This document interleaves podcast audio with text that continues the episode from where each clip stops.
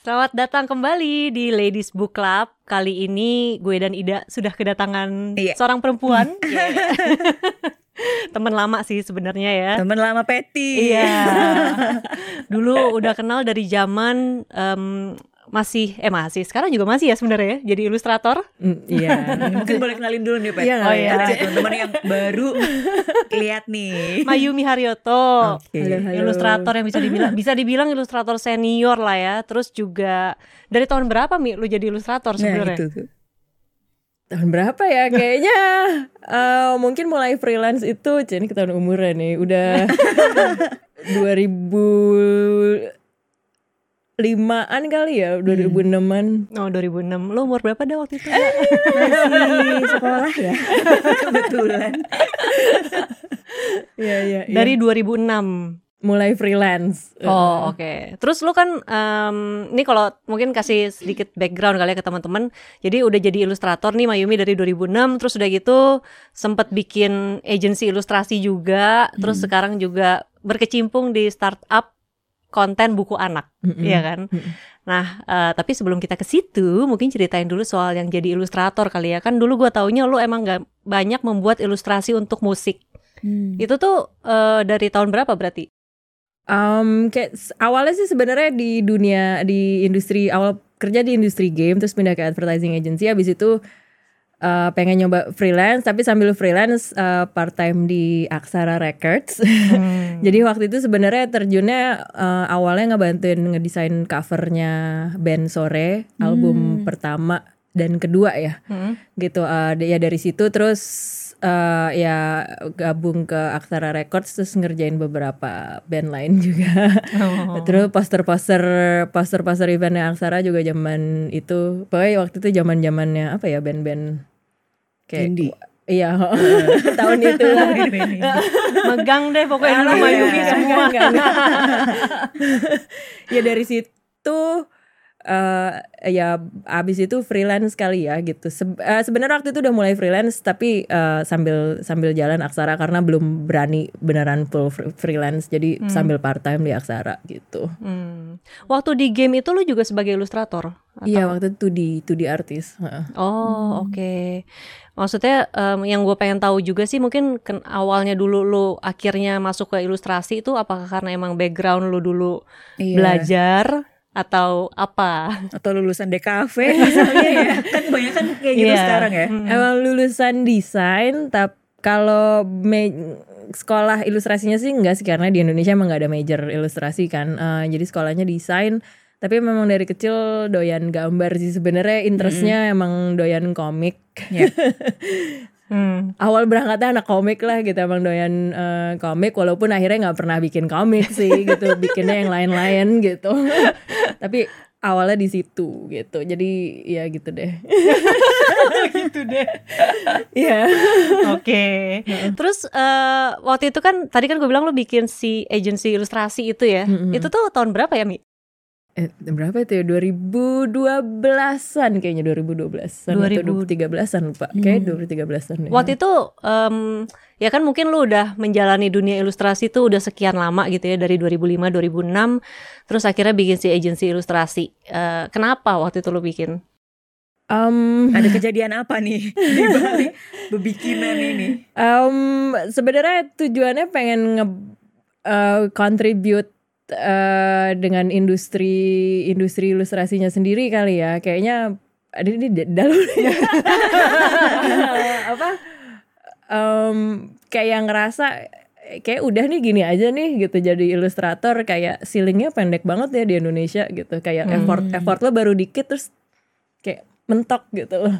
Terus Hmm. pengen pengen grow room to grow-nya tuh dikit banget. Dan untuk nge-grow push the ceiling higher tuh uh, waktu itu ngerasa ya kayaknya nggak bisa sendiri sih gitu nggak hmm, it's not something yang bisa dilakukan sendiri terus kayaknya harus waktu itu gue mikirnya instead of uh, bikin asosiasi atau apa gue mikirnya lebih yang simple aja uh, ya males lah berpolitik kayak Hmm, udah iya. bikin perusahaan aja bikin artis uh, agency karena yang gue lihat di luar industri di luar tuh uh, itu adalah salah satu elemen atau stakeholders yang uh, perlu ada di mapping industrinya gitu. Jadi nyoba-nyoba sebenarnya eksperimen Hmm. waktu itu uh, kalau di Indonesia bikin kayak gini gimana ya gitu. Berarti kan waktu itu sebenarnya si agensinya ini se- berfungsi sebagai penengah gitu ya Mm-mm. untuk si ilustrator sama eh, klien gitu berarti. Mhm. Itu karena lo tadi bilang nggak bisa sendiri. Maksudnya pas lagi menjadi ilustrator tuh lo ngerasa sendirian di sini atau gimana maksudnya? Iya kayak nggak ada, kayaknya semua sendiri-sendiri aja gitu, kayak nggak ada obrolan kayak uh, standarisasi gimana kita ngecharge basis uh, basisnya tuh apa, terus uh, bagaimana pricing structure dan segala macam itu tidak ada diskusi seperti itu gitu loh. Terus um, jadi kayak kayak semua satu sama lain saling kill each other apa ya Oh. uh, harga dan ini Iya, ini iya. jadi ya berharapnya dengan adanya institusi itu kan jadi ada standarisasi gitu loh. Hmm. Memang nggak ada percakapan itu sebelumnya apa emang belum dibikin? Bah, tidak ada percakapan dan mau mencoba bercakap pun sus sulit gitu karena kayaknya semua orang ya sendiri-sendiri aja gitu loh. Oh, Oke. Hmm, oke. Terus ketika lo bikin eh Apa Nun? Udah mulai ini ya. Ini bikin ya gimana gimana? eh, apa yang terjadi? Apa yang terjadi apa ya? Um, uh, mix uh, ba- banyak learning lessonnya sih kalau bisa dibilang ya. Satu ternyata nge-manage artis tuh melahkan. Nge-manage diri sendiri Iya, dong. iya, iya. Dan terus ngebanyak uh, artis with their ego is uh, very inilah melelahkan. Terus um, apa ya?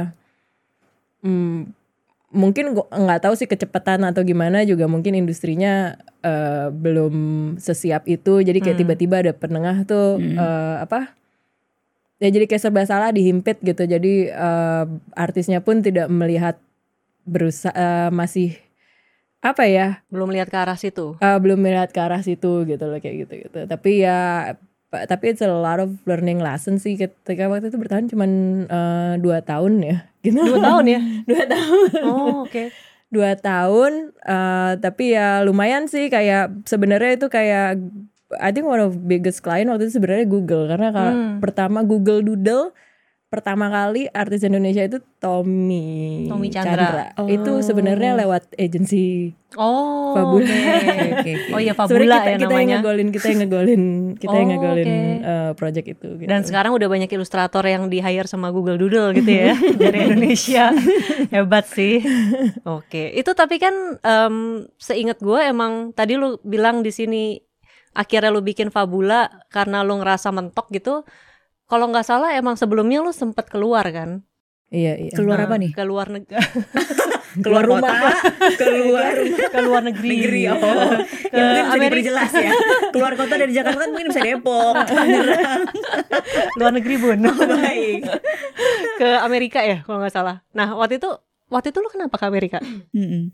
nggak ya kayaknya pengen tahu aja sih di luar seperti apa eh ya itu karena nggak ada role model Hmm. Susah ya kalau ngomongin profesi ilustrasi itu kan tiba-tiba nih profesi ilustrasi kayak sekarang tiba-tiba booming banget kan kayak Iya, kayaknya iya, hit banget kayak semua Parah. orang pengen jadi ilustrator ya zaman itu tuh nggak ada angkatan kita lah ya milenial yang early milenial mau look up ke atas siapa nggak ada role modelnya di Indonesia hmm. gitu loh makanya mau mau push the ceiling higher juga gimana clueless nggak ada apa-apa jadi ya harus look lihat keluar gitu loh jadi um, ya thanks to internet kan jadi sedikit banyak tahu gitu loh Eh, juga banyak korespondensi eh, sama artis-artis luar lah ya gitu Hmm. Ya. ya pengen sebenarnya pengen nyoba aja di sana Em, ya tapi gitu aja sih terus nggak betah terus kayak Berapa Berapa lama Nah, ya? Berapa lama tuh? pertanyaannya. kayak nggak nggak nyampe setahun deh terus nggak Oh betah iya. Itu lu kayak ngambil course atau emang kes- ke sana Kerja. tuh? Oh kerja. Heeh, kerja, oh kerja, kerja. oke. awalnya liburan terus iseng-iseng eh terus dapat kerjaan terus ya udah just stay gitu Hmm. Terus habis itu balik lagi.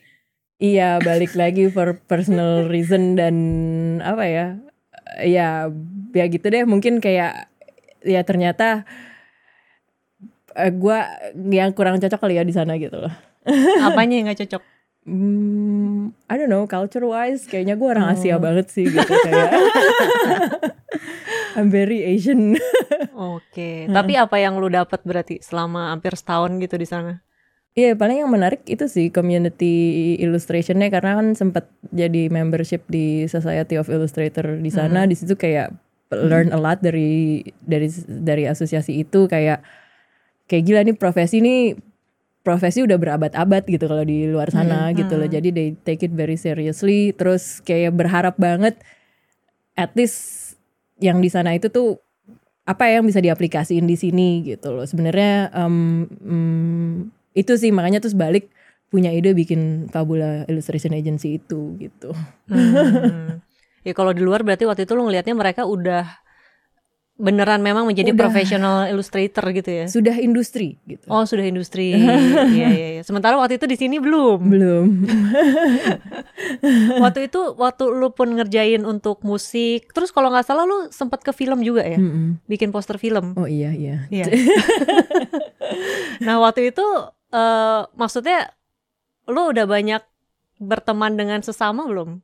sesama apa tuh maksudnya? Ya, ilustrator. belum sih waktu itu tuh paling kenal anak-anak komik kayak eh, siapa ya? Ya anak-anak Stellar anak Sanigo apa pokoknya iya, anak komik gitu gitulah um, mm, Roal segala macam paling tahu-tahuan aja tapi belum karena waktu itu masih aktifnya di ya di Aksara Record ya di scene musik masuk ke industri film juga sebenarnya di Aksara Record sih karena waktu itu Joko Anwar kenal Joko Anwar kan eh, dia film pertamanya apa Janji Joni kan waktu itu soundtracknya di Aksara Records ya. Hmm. gitu. Jadi pas dia film keduanya Pintu Terlarang itu eh, ya karena udah kenal di situ jadi di situ sih gitu. Ma- awal-awal masuknya di eh, film tuh di situ gitu. Di Aksara Records juga gitu. Hmm. gitu. Kalau sesama ilustrator biasanya teman online karena tahu by reputation semuanya. Kayaknya zaman itu gitu ya apa internetnya vibe-nya beda sama zaman sekarang. Hmm. Iya, iya, iya. Iya iya. Kayaknya kalau zaman itu tuh vibe internet tuh apa ya kayaknya lo nerd gitu. Eh lo nerd atau lo punya hobi lo trying to reach out nyari di online. Ada nggak ya orang sesama teman sehobi kayak gue lo reach out gitu loh. Em, jadi banyak sih teman-teman yang kenal online zaman itu yang akhirnya sampai sekarang ya jadi hmm, apa ya masih temenan sampai sekarang gitu. Sementara kalau zaman sekarang kayak vibe-nya look at me look at me kayak vibe-nya agak beda I don't know Oke. atau gue aja gini Oke. Nah, ini em, kalau ngomongin Fabula berarti bisa dibilang dia bisnis pertama lo nih. Mm-mm. Iya. Oke, terus setelah dua tahun gugur gitu ya. Tapi maksudnya tidak membuat lo patah semangat untuk berbisnis nih. Karena emang memulai sesuatu lagi. Heeh. Soalnya kan sekarang lu udah punya Pibo nih si platform konten eh, konten buku anak gitu ya. Mm-mm. Nah, waktu itu tuh gimana lu dari sebenarnya walaupun masih nyambung nih dua-duanya ada ilustrasinya gitu, tapi dari akhirnya ilustrasi agency ini terus kemudian lu ke konten anak itu gimana ceritanya? Um, sebenarnya nggak langsung sih abis dari Fabula um, um, aku lupa urutannya. Sebelum apa setelah Fabula emang karena sempet waktu itu sempat ngebantuin perusahaan temen as creative director di alternate perusahaan game sih uh, developer game lokal uh, ini kan abis Fabula terus nerusin Kreavi sempet jadi bantuin jadi managing Hmm, director Kreavi juga oke.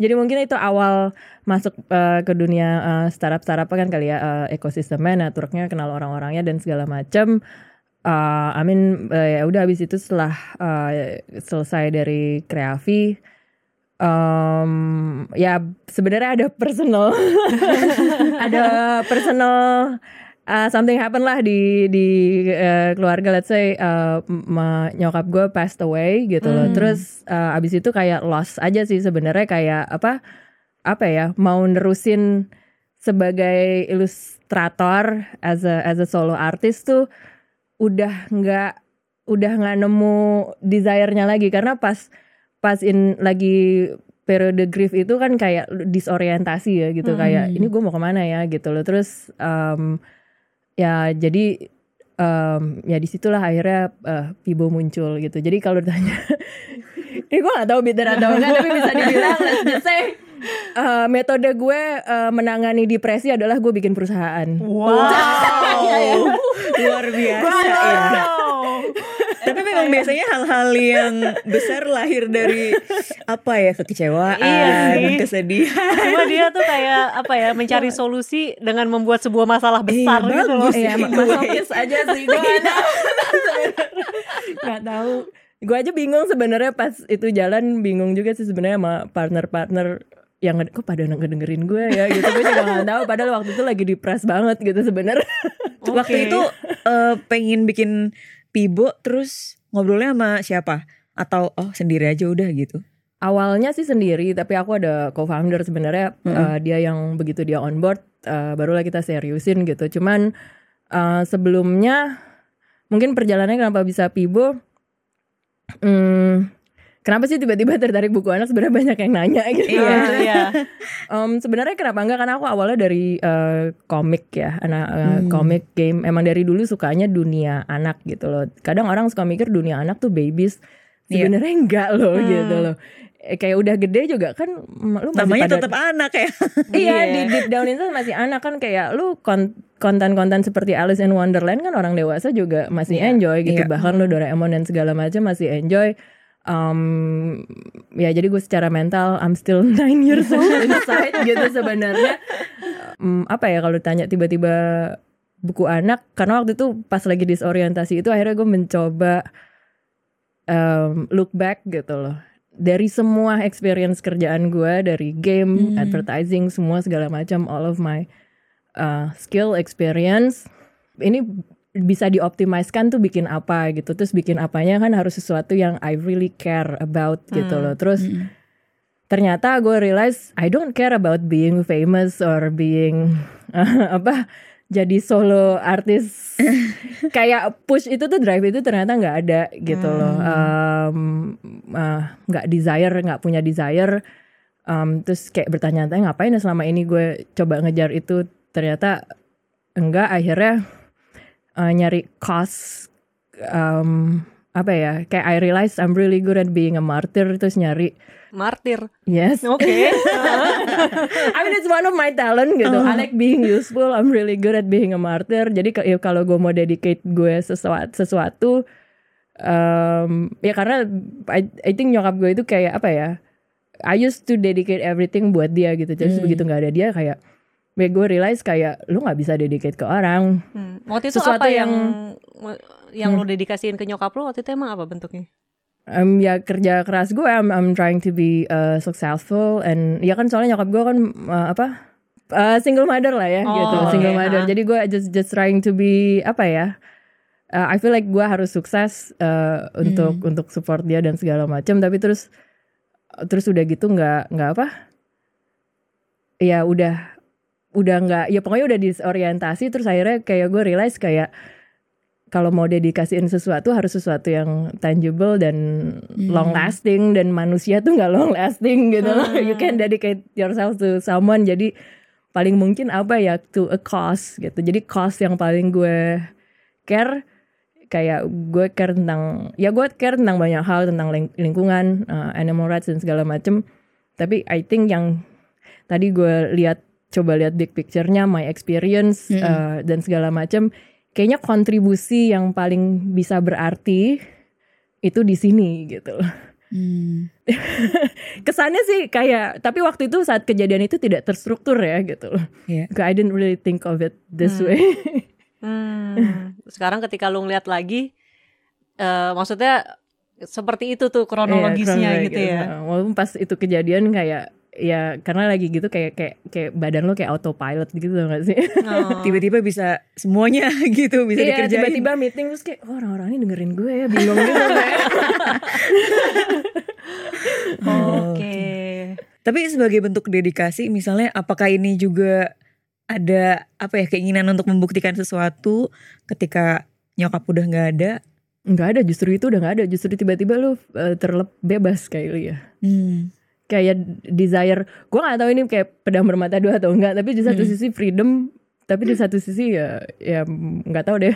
Hmm. nggak ada sih udah udah udah nggak ada desire untuk trying to prove Iya, iya. anything sama Udah sekali. bukan di level itu berarti ya? Iya, makanya juga udah uh, nyampe waktu itu sosmed di delete semuanya, Oh, lu cuman sempet dilihat sosmed. Instagram um, Twitter, Oh, Facebook. Yang jadi sisain cuman Instagram dan Instagram itu juga dari dulu dulu tuh dulu tuh aktif banget di Twitter sebenarnya terus di delete Insta uh, Facebook Insta uh, delete terus akhirnya cuman disisain Instagram doang. Karena kayak "Hmm, mungkin siapa tahu butuh nanti tapi ya sampai sekarang pun juga nggak aktif-aktif amat. Ya bu- mulai aktif lagi tapi nggak aktif-aktif banget. Hmm. Oke. Wow. Nggak tahu Ya. makanya tuh kayak pedang bermata dua atau enggak kayak mungkin harusnya ini kali ya. Kalau masih haus kan kayak masih pengen eksis tapi udah enggak Ini rasa hausnya sudah tidak ada ya. Udah gak haus-haus banget. kayaknya ngerasa that it's not my fight fight gue di tempat lain gitu. Oke. Waktu itu em, lu ngelihat eh, dunia si konten anak ini tuh seperti apa gitu? Sampai akhirnya terus lu bikin Pibo ini pengen membuat apa sih? Berarti merasa ada sesuatu yang kosong terus harus lo isi di bagian itu. Uh, sebenarnya kalau personal reasonnya, um, uh, gue gak tahu karena ini kan uh, it's a, gue co-founding sama temen, jadi actually secara visi itu kombinasi merge between gue sama dia. Tapi kalau dari uh, guanya sendiri, journey-nya adalah um, uh, gue peduli sama anak. I think sebagai gue uh, a child of a single mom, um, gue realize sih gitu ada disadvantages yang gue apa ya rasakan gitu loh. Jadi I do care about terutama anak-anak yang uh, minorities, um, terus yang kondisinya nggak ideal lah gitu loh. Ya gue walaupun gue tahu gue I'm, I'm still privileged in some ways gitu loh, tapi I'm I'm highly aware of of my privilege dan uh, apa ya I'm, I'm also highly aware uh, uh, apa ya mm, ada kondisi anak-anak lain yang yang disadvantages. Yeah. and I think I wanna reach out to them tapi gue mau reach outnya not as bukan sebagai parent bukan sebagai guru. I wanna be their friend gitu. I wanna be their friend that you know it's okay things gonna be okay gitu. I wanna be uh, their friend. Um, tapi bukan sebagai gue through all the characters um, sebagaimana uh, waktu gue kecil karakter-karakter buku anak itu menemani gue mungkin something like that Oh. Iya iya iya iya iya. Tapi dulu bacanya apa sih? Maksudnya eh, buku-buku anak tuh apa? Misal kalau kita kan majalah Bobo Iya. gitu ya. Ya sama sih kayaknya masih Oh sama. Doraemon lah ya kalau komik ya. Doraemon, ya. Oke, berarti Ya, si Pibo ini pengen apa pengen menjadi pengen lo bikin untuk menjadi teman si anak-anak ini ya. Iya, tapi apakah kita sudah berhasil atau belum? Kayaknya masih perjalanan masih panjang, tapi um, ya. Kalau lo lihat At least that's that's from my side gitu. Tapi kalau dari business uh, from the business side sih sebenarnya kita as simple as kita mau we wish uh, bisa jadi platform yang provide uh, high quality content buat uh, konten anak Indonesia gitu ya. Karena sebenarnya konten anak Indonesia juga masih banyak banget yang perlu diimprove. Ya. Bagian mana tuh? Iya. Yang pengen lu yang pengen lu apa ya? eh, pengen lu isi lah dengan si Pibo ini nih. Iya. Um, Jawabannya Ini- ini kayaknya kemarin- beban ya. Nggak soalnya kemarin baru aja sih habis diskusi ini kemarin di Jakarta sama Ibu Herdiana ya dia Oh, iya, researcher iya. dia researcher eh, buku anak kita ngebahas eh, jadi sebenarnya tuh buku anak itu tuh sebenarnya refleksi ideologi di budaya masyarakat itu gitu loh jadi em, apakah lo melihat anak sebagai subjek yang perlu diajari atau melihat dia sebagai individu yang punya pemikiran sendiri dan sedang bertumbuh Oh, Nah, di. Indonesia itu kontennya masih melihat anak sebagai sebuah subjek ajar yang kadang uh, bahkan sampai moral of the story-nya aja harus didikte, tidak uh, jadi kayak harus di apa ya? jadi kasih di Iya, disodorin iya, iya, gitu iya, kan. gitu. ha. Uh, uh, walaupun sudah mulai banyak konten-konten yang lebih lebih, Lebih cair. inviting, Hmm. lebih lebih inviting, lebih drive curiosity dan Iya, segala iya. macam sudah mulai tapi Lebih memantik rasa penasarannya dia Mm-mm, gitu. tapi, tapi masih masih banyak sih yang perlu di Hmm. improve gitu loh. Heeh. Jadi itu itu baru dari banyak sekali juga sih dari eh, naskahnya juga, dari grammar, eh, diksinya dan segala macam itu juga ternyata semakin ini karena di Pibo semakin perdalam wow jadi kayak belajar juga sih gitu. Ternyata sesimpel kayak eh, tidak memperhatikan jenjang level baca dan umur si anak itu pun bisa mempengaruhi eh, minat baca si anak. Misalnya jadi banyak buku di Indonesia itu ditulis untuk orang tuanya yang ngebacain. Oh, bukan buat anaknya belajar Sendiri baca gitu, mandiri heeh. gitu, loh karena misalnya Oh, oke. temanya simple mm, targetnya untuk 5-6 tahun tapi tulisannya berparagraf-paragraf jadi si anak nggak ada sense of achievement baca deh ngeliat buku aja udah overwhelmed Iya. gitu loh Berarti sebenarnya banyak eh, maksudnya ada konten buku anak nih yang sebenarnya tidak sesuai untuk umurnya gitu. kalau dibilang tidak sesuai untuk umur juga enggak sih karena sebenarnya banyak akhirnya diba- fungsinya untuk dibacakan Oh, oke. ya dibacain sebelum tidur Iya, iya, gitu iya, ya. iya.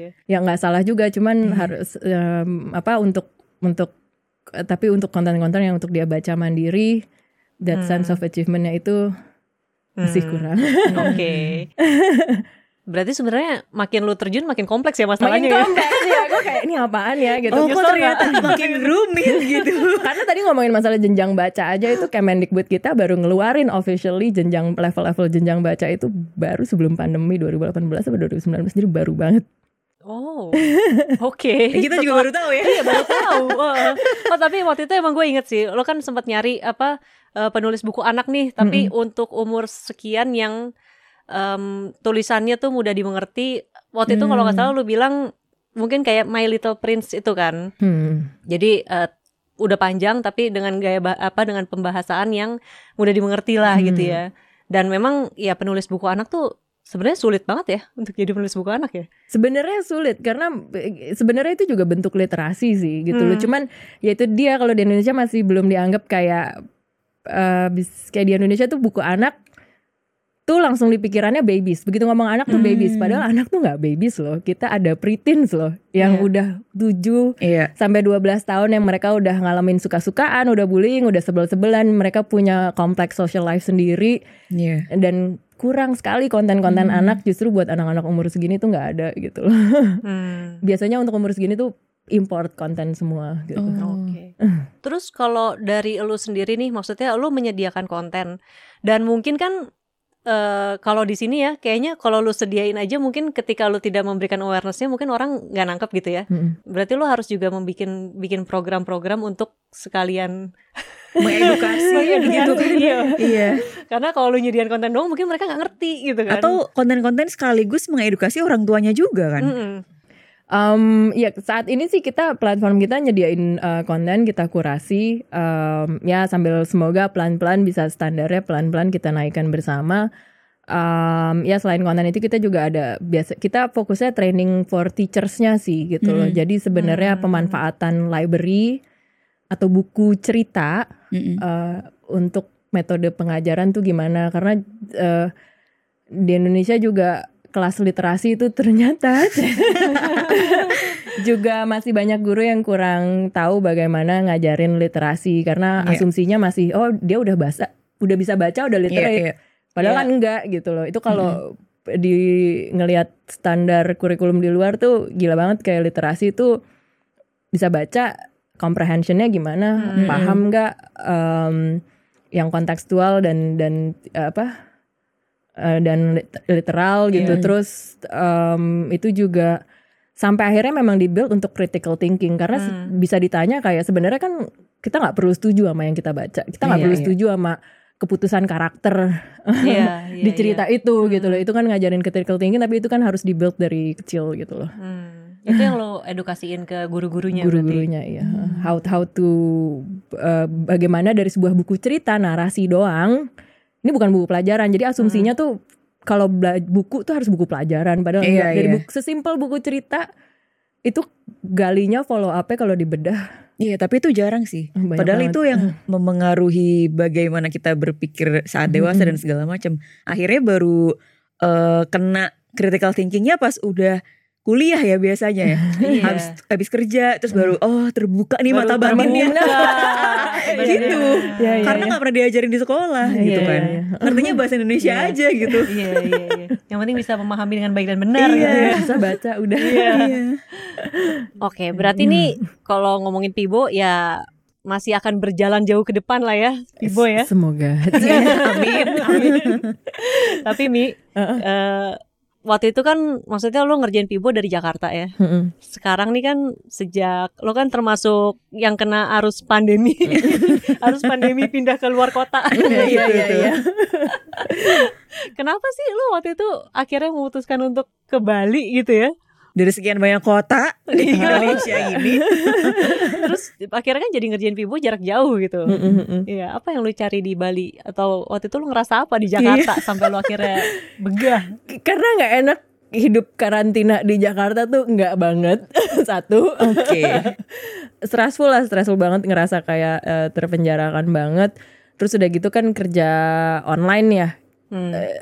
Em, masalahnya gue anaknya eh, introvert, jadi pas pandemi itu sebenarnya malah jauh malah jadi jauh lebih produk produktif. Saking produktifnya karena kerja di rumah mulu sampai burn out gitu.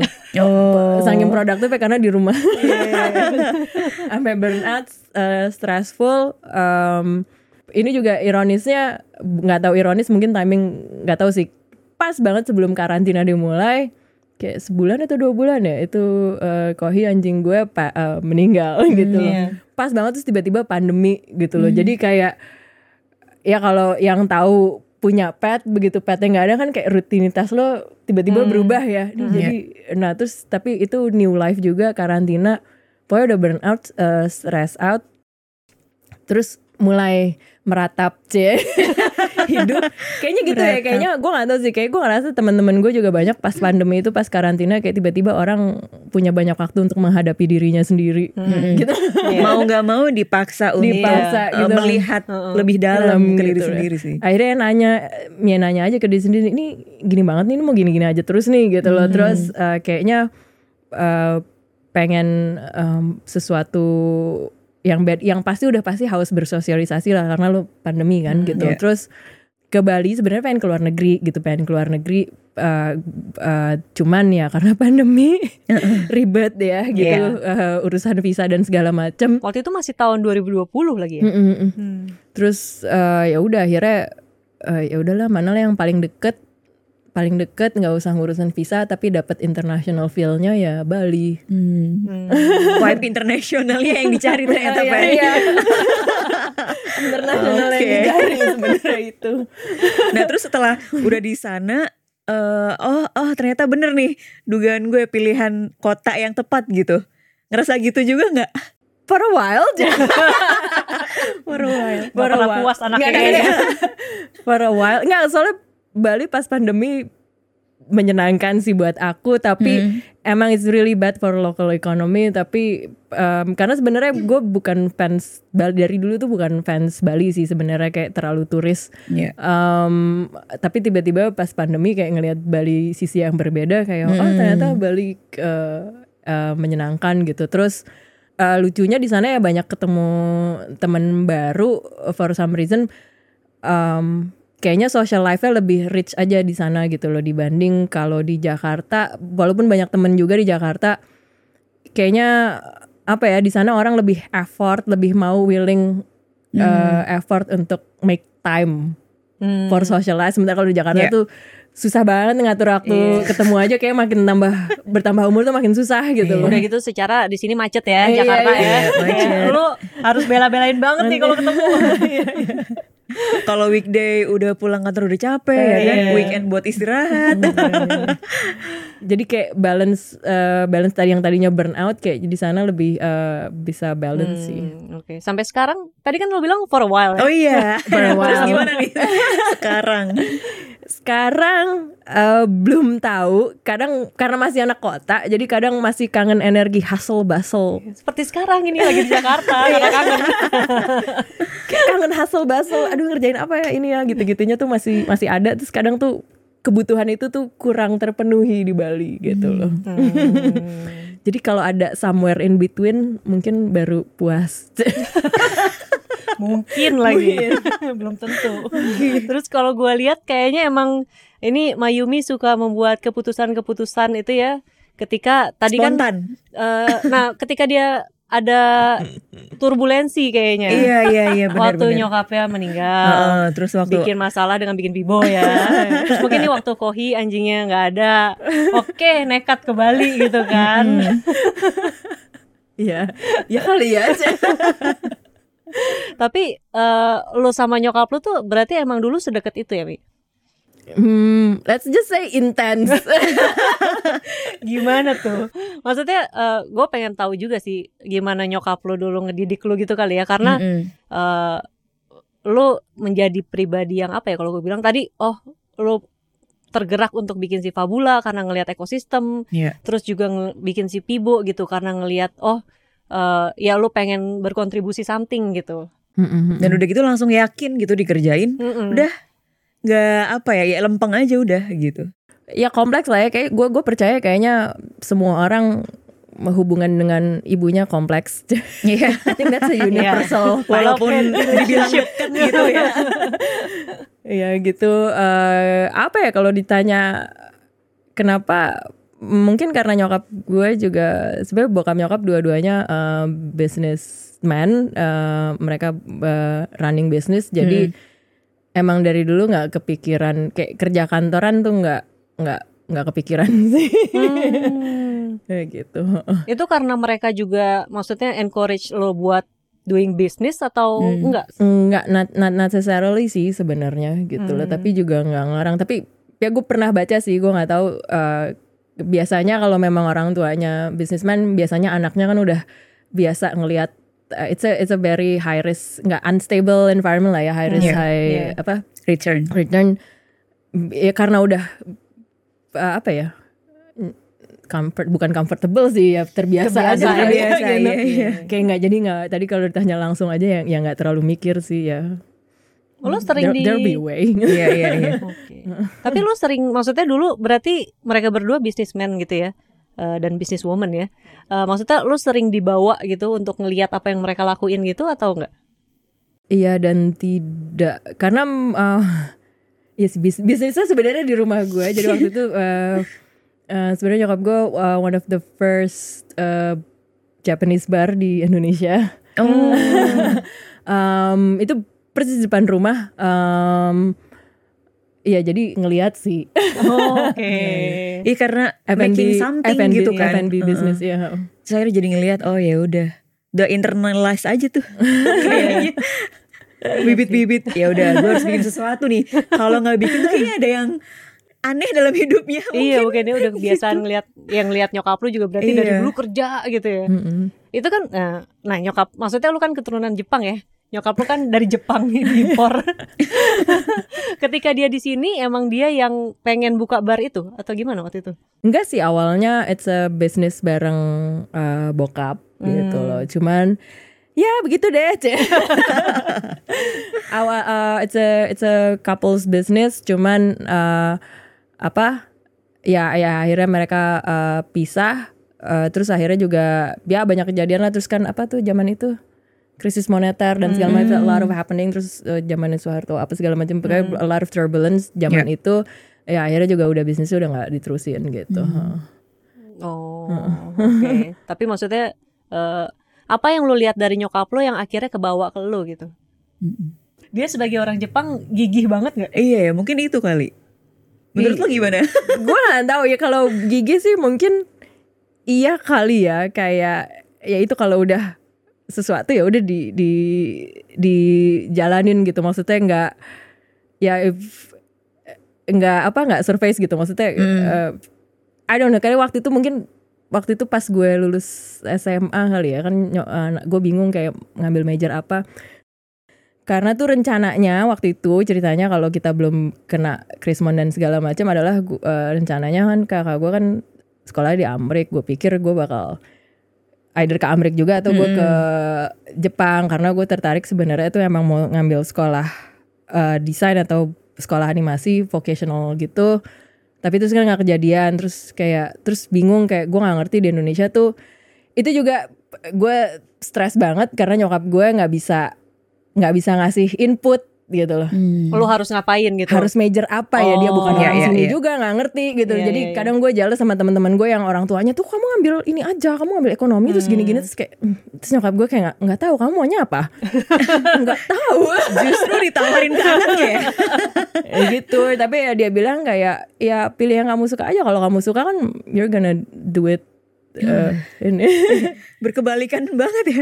Kalau di sini kan ya kalau nggak ekonomi, fakultas ekonomi, Iya, iya, terus iya. fakultas hukum gitu kan. diarahin yang pasti Iya, pasti atau gitu ya. kalau anaknya kerasa pinter, kedokteran gitu kan langsung eh, orang tuanya bisa jual sawah, jual rumah.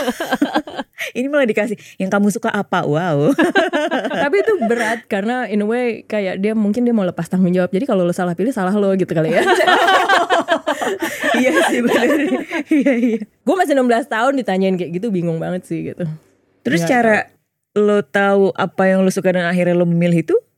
gue nanya-nanya gue keliling-keliling keliling-keliling nanya ke ke Ika aja nanya kurikulumnya apa segala macam dan sebenarnya gue disappointed banget waktu itu tahun 2000 ya. Tahun 2000 kurikulum kurikulum desain di Indonesia nggak ada desktop publishing Eh, gue nanya desktop publishing ke ITB diketawain Oh iya. Ah lo kalau mau gitu mah kursus aja, kursus komputer aja, jangan kuliah di sini. Terus kayak hmm, gimana gitu. Sebenarnya karena gue ambisinya waktu itu kan pengen ke Jepang eh, eh, belajar sekolah animasi kan, terus kok kok gini amat gitu loh. Terus akhirnya eh eh, makanya in the middle of stress kayaknya sebenarnya pure luck sih karena terus tiba-tiba temen gue karena tahu gue lagi pusing-pusing gitu terus dia ngasih ngasih gue brosur kayak ada sekolah sekolah desain baru eh, kalau tahu eh, IDS waktu itu International Design. Waktu itu namanya masih Digital Studio College sih. Itu kayak beneran pertama kali dia bikin kurikulum eh, desktop publishing gitu loh. Hmm. karena memang interestnya emang pengen di situ jadi ya ya akhirnya ngambil, Ngambil sekolah situ. itu. Oh. itu pure kali aja kali ya ya akibat lu nanya-nanya ke orang-orang Mungkin berarti ya, kan. Terus nyokap lu pas tahu ya udah ambil aja gitu. Iya iya dia nggak di- kayaknya dia clueless sih jadi dia nggak nggak terlalu ngatur juga sih gitu. I think dia cuman believe believe aja kalau eh, ya kalau lu pilih yang lu suka lu pasti you're gonna do your best gitu loh. Tapi nggak nggak ada sih memang nggak tahu juga ya entah kultur atau apa tapi kayak kakak gue juga jauh-jauh sekolah di Amrik ngambilnya musik. Kayaknya kalau zaman itu standar orang tua Indonesia kan nggak mungkin banget diizinin. Iya. Ini dibebasin aja gitu ya. Tadi lo kan mau merasakan vibe internasional ya di Bali ya. Maksudnya eh, dari obrolan kita sebelum-sebelumnya juga kan memang lo apa ya? Lo sebagai orang keturunan Jepang gitu ya juga sempat mengalami kebingungan masalah diri lo nih sebenarnya kayak gue orang Jepang apa orang Indonesia sih gitu. Tapi nggak tahu ya. Sekarang lo masih bingung gitu gak sih? Apakah lo ya identitas lo yang mana atau kayak lo udah berdamai aja nih? apa ya kayaknya gue ngobrol sama temen-temen yang emang anak half juga lah ya gitu ya um, kayak gue belum pernah sih ketemu anak yang turunan terus nggak bingung gitu Oh ya. hampir nggak sih nggak hampir semua. Biasanya so biasanya ada dua tipenya. Either dia tipenya uh, uh, uh, somewhere in their life in the certain part of life mereka decide oke gue mau dedikasi ke satu kultur dari salah satu orang tuanya aja. Gue udah dedicated situ. Atau biasanya kedua ya jadi diplomat gitu loh jadi apa eh, ambassador of Iya. the dua-duanya gitu loh biasanya sih akhirnya make make peace-nya gitu kali ya gitu. Kalau kalau dibilang struggle adalah struggle tapi gue juga nggak tahu gitu. Kayak kayak gue ngerasa gue struggle tapi kadang gue pikir kok kakak gue apa nggak struggle? Kayaknya gue nggak ngeliat kakak gue se-struggling kayak gue gitu in terms of cultural identity. Gue juga nggak tahu sih Lo nanya gitu. ke mereka? nanya sih tapi kayak bilang ada kok tapi kayak I don't see it gitu. Oh, Oke. tapi gue gue nggak tahu juga tadi nggak tahu sih. Karena gue pas dari gue kecil kan mm, gue udah karena pas mungkin kakak gue banyak ngalamin sama bokap juga sebenarnya. Kalau gue kan dari kecil udah apa eh, udah sama nyokap aja gitu loh. Jadi gue tidak ada agency di keluarga tuh tidak ada agency yang ngajarin eh, local culture lokal apa ya eh, Wisdom. ya know how dan segala macam tuh nggak ada gitu loh. Jadi kayak gue di society kulturnya begini gue pulang completely different gitu loh Hmm. jadi paling eh, mungkin ada struggle di situ gitu loh jadi ada hal-hal yang eh, gue bertahun-tahun trying to grasp nggak ngerti-ngerti gitu yang loh. yang paling susah beradaptasi tuh di bagian mana sih? Mungkin eh eh, soalnya kalau misalnya gua kan eh setengah keturunan maksudnya Tionghoa ya, tapi Hmm. kan kayaknya udah tinggal muka doang gitu ya karena bokap nyokap kan orang Indonesia Hmm. Kalau lu kan masih bener-bener satunya pure nih gitu. Tap- tap- tapi itu sih the fact gue juga terlihat Tionghoa karena waktu itu zaman Soeharto ya gitu. Jadi adalah gue ada mental mental minority yang gue nggak nyaman. Sampai sekarang gue nggak nyaman gue nggak mau banget berhubungan sama government misalnya kayak gitu gitu karena gue nggak nyaman karena gue grew up zaman itu kan ya you know gitu loh. Uh, udah males banget terus tahu nyokap gue orang asing udah kayak aduh udah males banget deh udah pasti urusannya duit gitu kayak gitu udah males banget gitu. Jadi masih ada sih mental mental minority yang kayak gitu masih kesisa banget sampai sekarang. Terus apalagi kalau struggle culture? Struggle culture juga banyak tapi very subtle sih. Em, kayak misalnya I do need notice concept of personal space misalnya gitu. Concept of personal space Indonesia dan orang Jepang itu beda banget. Oh, Kayak kalau di Indonesia apa itu personal space? tidak ada, tidak ada. Semuanya untuk orang umum gitu. nah itu itu salah satu yang struggle ya dan banyak hal lah ya. Cuman mungkin salah satunya yang eh, yang kalau surface eh, makanan kali ya. It- ini lucu sih karena gue pas zaman gue kecil tuh nggak ada yang tahu. Ya ampun zaman gue kecil kayak kayak orang tuh nggak tahu apa tentang Jepang kayak bedain Jepang Korea gitu-gitu aja tuh Hmm. nggak bisa Iya. gitu loh. Gue di sekolah juga kalau dicela-cela cincang cincang gitu. Terus gue kayak bingung gitu kayak gimana gitu. Terus gue kayak how do I respond to that? Tapi ya kayak gitu kayak makan sushi aja tuh ew gitu. Kan mentah. Tapi terus tiba-tiba kayak sekarang lo gak makan sushi? gitu. Kayak oke. Itu itu kayak gue bingung loh. Kayak that that struggle gue kayak wow this is so different. Kan apalagi belakangan lagi demam Jepang banget. Kayak di satu sisi gue happy um, orang more interest. Karena banyak hal-hal yang gue tahu banget zaman gue kecil tuh orang nggak interest. Tiba-tiba kayak kayak dia lebih tahu sekarang dari gue gitu loh.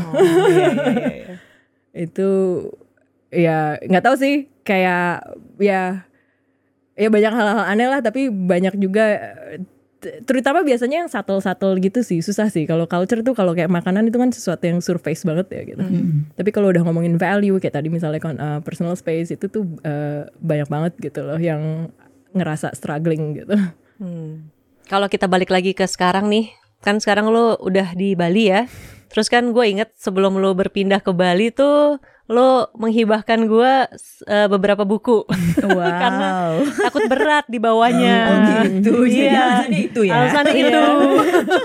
jadi sebenarnya Mayumi ini seorang pembaca buku juga Oh, gitu kan. Oke oke. Nah jadi Mi kalau ngelihat dari maksudnya cerita lu tadi segala macam ya perjalanan lu gitu buku-buku apa nih yang pada akhirnya nggak lu kasih ke gua gitu Karena dia menurut lo kayak aduh ini kesayangan gue banget nih atau life changing something Iya. gitu. Aduh apa ya eh, kalau buku banyak gue kayak setiap pin by, by the way gue pindah rumah kayak ada kali 15 kali lebih. Serius? Serius. Buset. Jadi gue kayak eh, apa buku uh, obviously karena gue suka komik gue dulu koleksi komik banyak banget itu juga udah gue lepaskan. Jadi kalau buku sebenarnya uh, kalau komik banyak ya, tapi mungkin kalau buku-buku literatur gitu uh, one of the biggest uh, yang impactnya gede dan itu waktu itu gue masih youth ya masih growing up ya uh, umur 20 Remaja. lah. Enggak sih udah Oh, 20-an. 20-an. Oh, sebenarnya yang adult kerja. ya. Adult. Yang Yang adult. um, uh, I think Eric bukunya dari Eric Kayong Fear Fear of Flying itu sebenarnya Eric Kayong itu buku-bukunya buku-buku feminis sih itu uh, buku tahun 60-an ya kalau nggak salah um, itu kayak buku itu tuh ngebuka uh, mata gue banget kayak the struggle of uh, women. Jadi kenapa Fear of Flying karena kayak uh, kayak lu sebagai perempuan dan itu kena banget ke gue mungkin karena juga uh, gue balik lagi uh, calon single mother. Itu buku itu kena banget ke gue um, karena itu tuh kayak lu struggling lu jadi perempuan kayak lu tuh fear of flying walaupun lu desire lu banyak dan gede tapi uh, kayak lu tuh contradict at the end lu serving uh, lu desire untuk serve your partner juga gede gitu.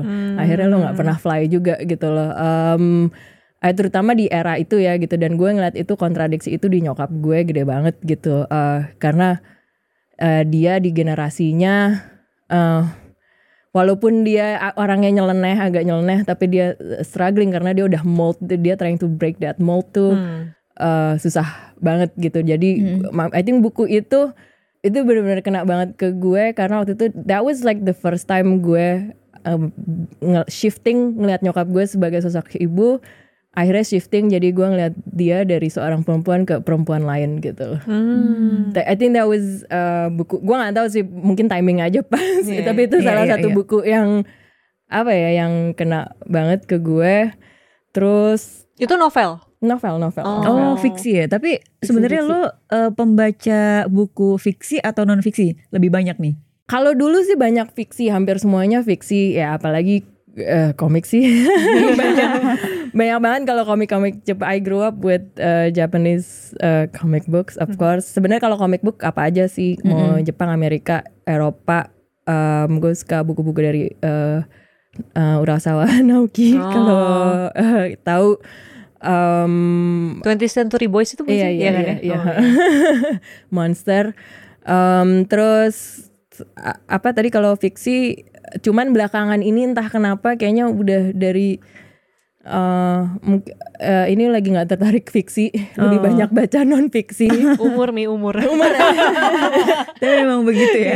Kecintaan terhadap buku tuh genrenya emang sesuai sama umur. Berubah-ubah, Iya. Iya. Butuhnya apa? Oh, kayaknya gue baca ini aja deh.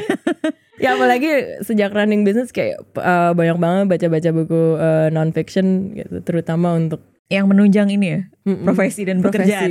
Apa yang paling lo ini? Apa yang menurut lo menarik banget? Iya.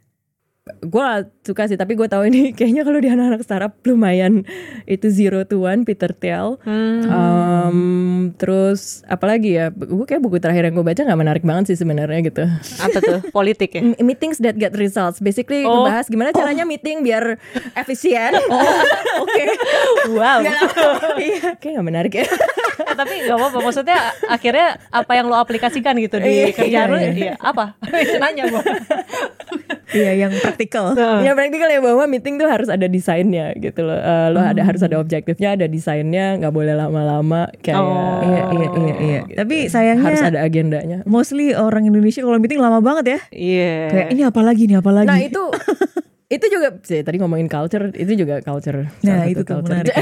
Oh, nggak sat-set gitu ya? iya, iya, iya, iya, iya. Enggak sih. Ya mungkin apa ya kalau kayak ini pengalaman kalau waktu kerja di luar misalnya gitu atau di di tim luar karena waktu di film juga banyak kerja sama orang luar Eh, apa kayak biasanya tuh sebelum meeting misalnya mau meetingnya tuh dua hari lagi nah itu tuh udah dikirim email dokumen briefingnya udah dikirim Iya, iya. harapannya lo begitu meeting semua orang udah baca briefing dokumen Hmm. udah langsung nah kalau di sini kadang Iya. Kalau di sini lima menit sebelumnya baru, dikirim. baca baru baca Iya. jadinya jadinya pas meetingnya setengah jam habis buat briefing Jelasin ulang ya. Iya, iya sih. Dan mungkin ada ada rasa apa ya kalau meetingnya sebentar tuh seolah-olah kok cepet banget gitu kan. Kayak Kayak masih nggak ngapa-ngapain ngapain gitu. Harus at least 2 jam gitu Iya. ya. Eh, tapi itu aneh. iya gue ngerasa itu beda banget sih Eh, kayak di luar tuh lebih banyak deep worknya Hmm. kalau sebisa mungkin meeting jangan lama-lama gitu karena Iya, deep iya, iya. kalau meeting mulu kapan lo deep worknya kerjanya gitu Iya sih. Mungkin karena budaya ngobrol juga kali ya. Iya. Paguyuban apa Iya bener kayak kumpul yang penting Iya. kumpulnya aja dulu. Betul, betul, Masalah betul. nanti dia keluar dari topik meeting atau apa itu bisa lah. tapi itu kayaknya akan ada titik jenuh sih aku nggak tahu sih tapi at least aku sama tim teman-teman juga terutama pas pandemi akhirnya menemukan titik jenuh yang makanya kayak ini harus dibuat lebih efisien gitu Hmm, Iya, iya. yang mana harus kita terapkan secepatnya betul di sekali. lingkungan kerja. Soalnya kan suka cepet capek ya walaupun Zoom meeting gitu. Iya. Tambah online itu kan kayak matanya kerja, Hmm, terus hmm. badan gak ngapa-ngapain. Jadi Iya. cuman satu aja nih yang eh, bekerja keras gitu iya kan. iya iya iya. Ya mungkin harusnya dibedain kali ya meeting yang networking gitu emang Iya. ngobrol, kenalan sama yang emang meeting udah ada agenda gitu Iya. kan. Iya jadi buku-bukunya begitu tentang time blocking terus Yang penunjang usia-usia dewasa sih. Biar lebih efektif. Bukunya bener-bener. anak-anak startup.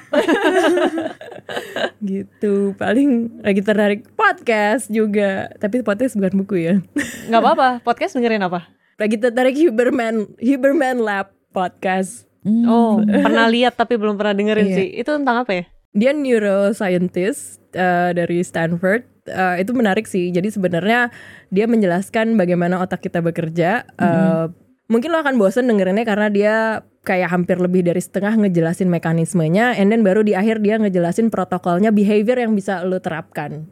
Hmm. yang menarik tuh itu dan itu juga gue udah dengerin dia setahun ini itu life changing banget gue ngikutin uh, uh, trying to follow dia behavior protokolnya segala macam itu benar-benar life changing banget buat gue gitu. Apa yang lu terapin, yang lu coba?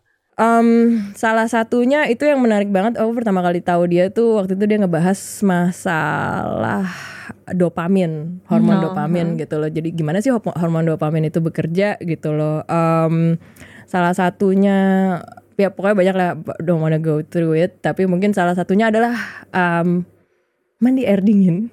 Oh ya? Mandi air dingin itu shower kalau bisa berendam air dingin ya yang bener-bener air dingin tapi kalau nggak at least shower itu akan ngebantu ngeningkatin dopamin baseline-nya. Jadi kalau kalau kalau makan sugar atau minum kan dopamin lo naik tapi intinya dopamin tuh kalau naik pasti ada crash langsung. Oke. Makanya kayak ada sugar crash dan segala macam. Iya, iya. Um, jadi hati-hati pokoknya hati-hati sama sesuatu yang bisa bikin lo excited cepet itu lo akan drop Oh. ada waktunya pasti oke. akan drop gitu loh. Nah, kalau mau dopamin lo naik, energi lo naik adalah cari sesuatu yang justru baseline yang baseline jadi bukan yang tiba-tiba naik terus turun terus kan nanti kan dia akan balik ke baseline lagi kan. Mm-mm. Cari sesuatu yang uh, baseline-nya naikin itu salah satunya caranya adalah Mandi air Mandi dingin. air dingin. Tapi itu ada apa ya saran untuk mungkin better di pagi hari atau siang gitu kan? ya di pagi hari. Iya. oh. Karena kemarin sempat dengerin eh Vishal Dasani kan Hmm. yang apa namanya trainer tidur, Hah? sleep trainer. Mhm. Kata dia memang bagusnya kalau malam tuh eh, Mandi mandi, air hangat. hangat, Iya. Iya, biar relax gitu. ada- Iya, biar iya, relax. Dan biar kalau eh, pagi air dingin Iya. kayak gitu. Kadang kan orang suka kebalik ya. Iya, iya. Mungkin air dingin sebenarnya biar bangun juga ya, seger iya, gitu ya. Iya benar-benar. Tapi Oh, gua seru mungkin air nih. dinginnya jam 11 siang aja ya, takutnya kedinginan. Jadi penasaran pengen denger ini. Huberman Lab ya. Huberman Lab. Oh, Ya, oke, itu oke. ya banyak ini sih. Ya dia juga how to focus kalau lo struggling fokus uh, protokol-protokolnya apa segala macem. Hmm. Yang gue suka karena dia bahas how the brain works. um, solusinya tuh behavior behavioral protocol sih. Jadi instead of substance atau apa bukan gitu gitu. Hmm, Oke, wah boleh juga tuh. Itu lagi ya that. Iya iya iya. iya. Kayaknya hidupnya begitu ya. Jadi lagi nggak fiksi. Fik- Fiksinya uh, film paling Oh nonton film. Hmm, ya ya ya ya. ya. belum. Sebenarnya kangen sih. uh, Baca, Baca. buku fiksi. Iya. Belum Kangen. ada kali ya belum. Iya tapi belum ini lagi. Udah sih kalau beli beliin sih udah di tap. Udah di one- check out. Udah one to read, one to read. Oh. Udah punya banget. Belum di check out aja ya. Check out aja.